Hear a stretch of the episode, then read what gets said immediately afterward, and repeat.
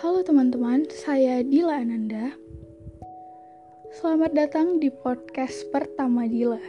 Dan kali ini Dila akan membicarakan tentang musik. Ada banyak sekali aliran musik di dunia. Contohnya jazz, pop, rock, klasik, rap, indie, dan lain sebagainya. Dan pada episode kali ini kita akan membahas tentang indie ada banyak fakta-fakta menarik tentang indie yang akan dilebahas di podcast kali ini. Menurut salah satu situs yang Dila baca, indie sendiri bukanlah suatu genre atau aliran musik, melainkan sebuah gerakan musik yang bebas dan mandiri, enggak bergantung sama sebuah label musik atau sebagainya. Band indie cenderung menciptakan lagu sesuai dengan apa yang mereka sukai dan genre yang mereka inginkan. Gak jarang, kalau lagu-lagu yang mereka ciptakan kebanyakan sangat anti-mainstream dari lagu-lagu yang ada di pasaran. Baiklah, sebelum kita membahas indie lebih jauh, kita akan mulai dengan sejarahnya. Indie sendiri mulai populer sejak tahun 80-an. Tanggal lagu untuk musik indie mulai diperkenalkan pada era ini banyak band indie yang bermunculan, seperti The Smith dan Joy Division. Lanjut ke era 90-an, band seperti Nirvana dan Radiohead yang juga merupakan band dengan label indie mulai menyebarkan virus indie ke berbagai belahan dunia. Dengan musik-musik mereka yang unik, namun sangat enak untuk didengarkan. Selain itu, Radiohead juga sempat menggenggerkan belantika musik dengan merilis album indie dengan sistem pay what you like di mana para pembeli bisa bebas membayar berapapun untuk membeli album mereka. Kalian semua pasti tahu kan Radiohead. Radiohead memiliki satu lagu yang paling populer dan ini juga salah satu lagu yang paling Dila suka dari Radiohead selain High and Dry yang berjudul Creep. Oke, cukup dengan sejarah di luar Indonesia, kita akan mulai membahas indie di Indonesia.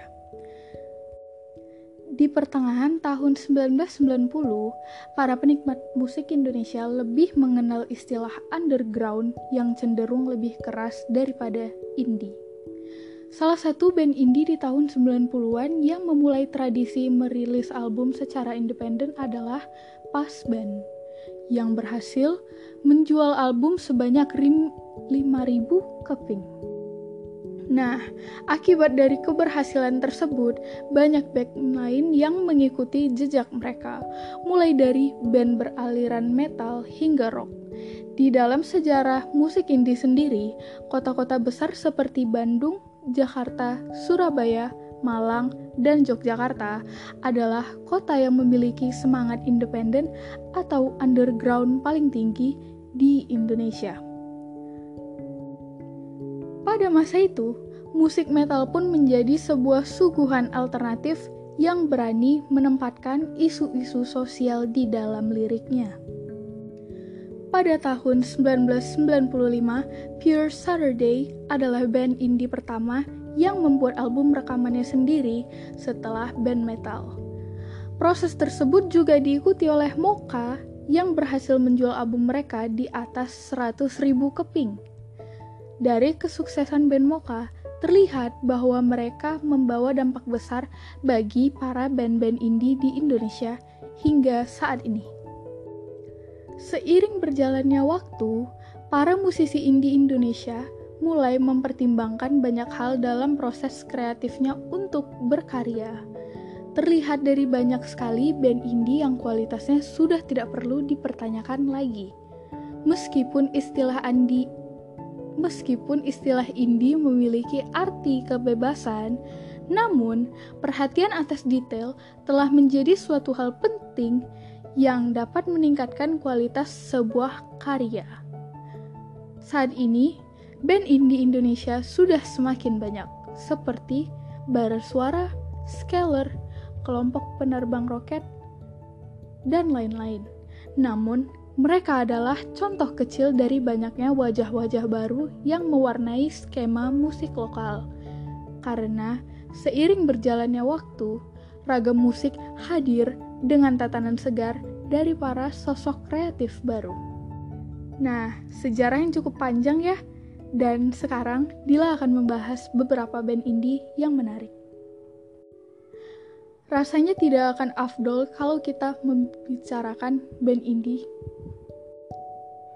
Maaf, rasanya tidak akan afdol kalau kita membicarakan indie tanpa melibatkan White Shoes and the Couples Company.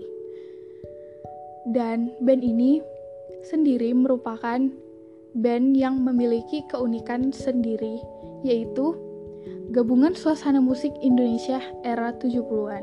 Lirik lagu dari White Shoes and the Couples Company juga sengaja dituliskan menggunakan bahasa yang agak jadul, sehingga ini menjadi daya tarik bagi band mereka sendiri. Yang kedua, kita punya Payung Teduh. Selain White Shoes and the Couples Company, ada juga payung teduh yang meramaikan dunia musik indie Indonesia. Beberapa dari musik kebanyakan payung teduh khas dengan suara akustik mereka yang mendayu. Lagu terbarunya yang berjudul Akad juga sukses dikenal oleh negara-negara lain. Namun, sayangnya, sang vokalis yang bernama Muhammad Istiqomah Jamat alias Is resmi mengundurkan diri dari Payung Teduh pada November 2017. Nah, ngomong-ngomong soal Payung Teduh, salah satu lagu favorit Dila dari Payung Teduh adalah lagu yang berjudul Cerita tentang Gunung dan Laut.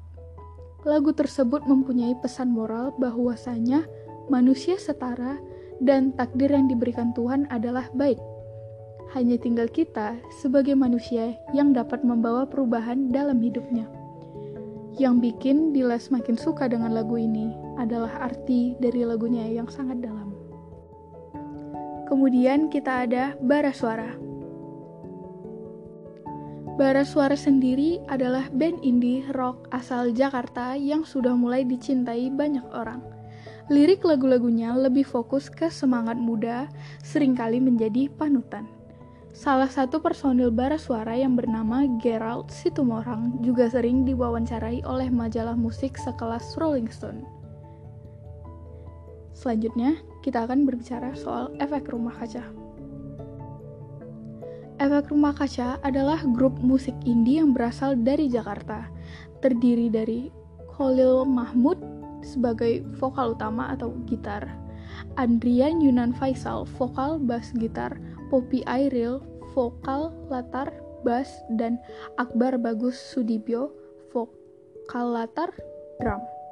Mereka dikenal oleh para pecinta musik di Indonesia karena lagu-lagu mereka yang banyak menyentuh dan memotret keadaan sosial masyarakat di sekitar mereka pada semua tingkatan. Sampai sekarang, band ini sudah merilis tiga album studio, yaitu Efek Rumah Kaca yang dirilis pada tahun 2007, Kamar Gelap yang dirilis pada tahun 2008, dan Sinestesia yang dirilis pada tahun 2015. And last but not least, kita punya Bandaneira. Bandaneira adalah band indie yang sangat dikenal karena ciri khas lagu akustiknya yang memberikan kesan damai Band ini berisi dua duo Rara Sekar yang adalah kakak dari penyanyi Isyana Sarasvati dan Ananda Badudu.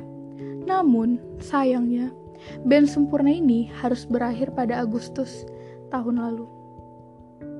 Maksud saya 2016. Sayangnya, mereka tidak menyebutkan alasan band itu harus bubar. Album terakhirnya dirilis tahun 2016 dengan judul Yang Patah Tumbuh yang hilang berganti. Baiklah, sekian podcast episode pertama Dila di segmen Inspirasi Musik. Ini podcast pertama Dila, maklum masih banyak kesalahan. Dila akan terus belajar dari kesalahan-kesalahan yang Dila buat dan menjadi lebih baik lagi. Terima kasih kepada semua yang sudah mendengar podcast ini. Sampai jumpa di episode selanjutnya. Bye bye.